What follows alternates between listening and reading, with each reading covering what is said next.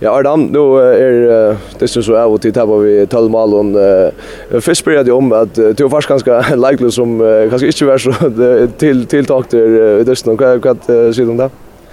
Jo, det er jeg glad for å spille, det er jeg, men öliga sätter att Paul er en en skia som som bara vann i för år sedan så han kan han klarar att det är närmast Det är upp och det är inte det är inte att att vi vi manglar manglar bjärgingar där att jag kommer in och här spelar spelar en gång dust och är och Gunnar så så det tar så om de dust nu att att det är det är för det här vi för för nya på att skalt om så så så det så var ner att att Paulus Balt så väl så stävig skiftet.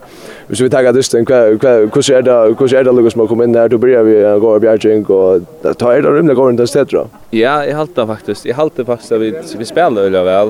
Eh eller stannar öliga väl värna och och alla spelar körer hantliga väl men uh, största problemet är att bränna för det och och det är så straff in ändan och och mer vi bränna ganska lyd större släpp på vet och så blir det ganska värre och värre som det sen då är så att nettopp och och det är det tar så upp Mytton mycket när att att det är helt ärligt att stäcka där kontra kontra maskiner som där där är så går till där så jag det synd synd ända och det är stora månader så står är det är det riktigt sant i Malmö Ja, det är ju det. Det är det är ja, det är ringt, men alltså hvis man klarar bjärga ankran så är det stort lätt. Eh, det är stort lätt fast skott till man centrum av. Men men hvis man ska vinna en sån här dist så ska vi stäcka då och och i halvtid sen kontra alltså kontra var man så hur det kommer sen jag vet att det bränna för nek i alla upp då.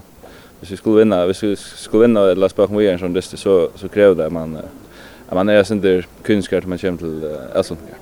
Ja, och så kan du se några år om hur det är du du prövar Europa Cup när där för sånt och vi och och kan du se några år hur det är att turen ner till Fällsjön till till till Drammen vi en gång och slutar på gästerna. Ja, eh det har faktiskt varit också alldeles stortligt och spännande allt det. Jag hade tillgången till båda dessa hur är öliga gå. Eh Bäj, ja, taktiskt och alla mentalt för det ska jag vara. Väldigt öliga gåar. Och i halvtid är det alltså Jeg føler at dissen der er Ørslit er større enn det burde være. Jeg halte, jeg halte faktisk at vi, vi har fyra opp så mye vi har. Jeg føler at vi spiller opp mot dem. vi er ikke lengt 18 for at det är bara det sista sista detaljerna eller sista närlägen som manglar och som gör att att vi inte klarar kappa som det nu. Hin med vill säga att det är nog ett av starkaste laget av spalt mot i Europa. Det heter ett gott lag i norra som halva näcklig i norra. Ja. Så så så alltså vi vi skulle hade vi kunde gott vara stolta att vi har presterat. Det sjön helt bant nu men om om några veckor så så tycker jag vi vi kan hitta att så att vi gör det bästa.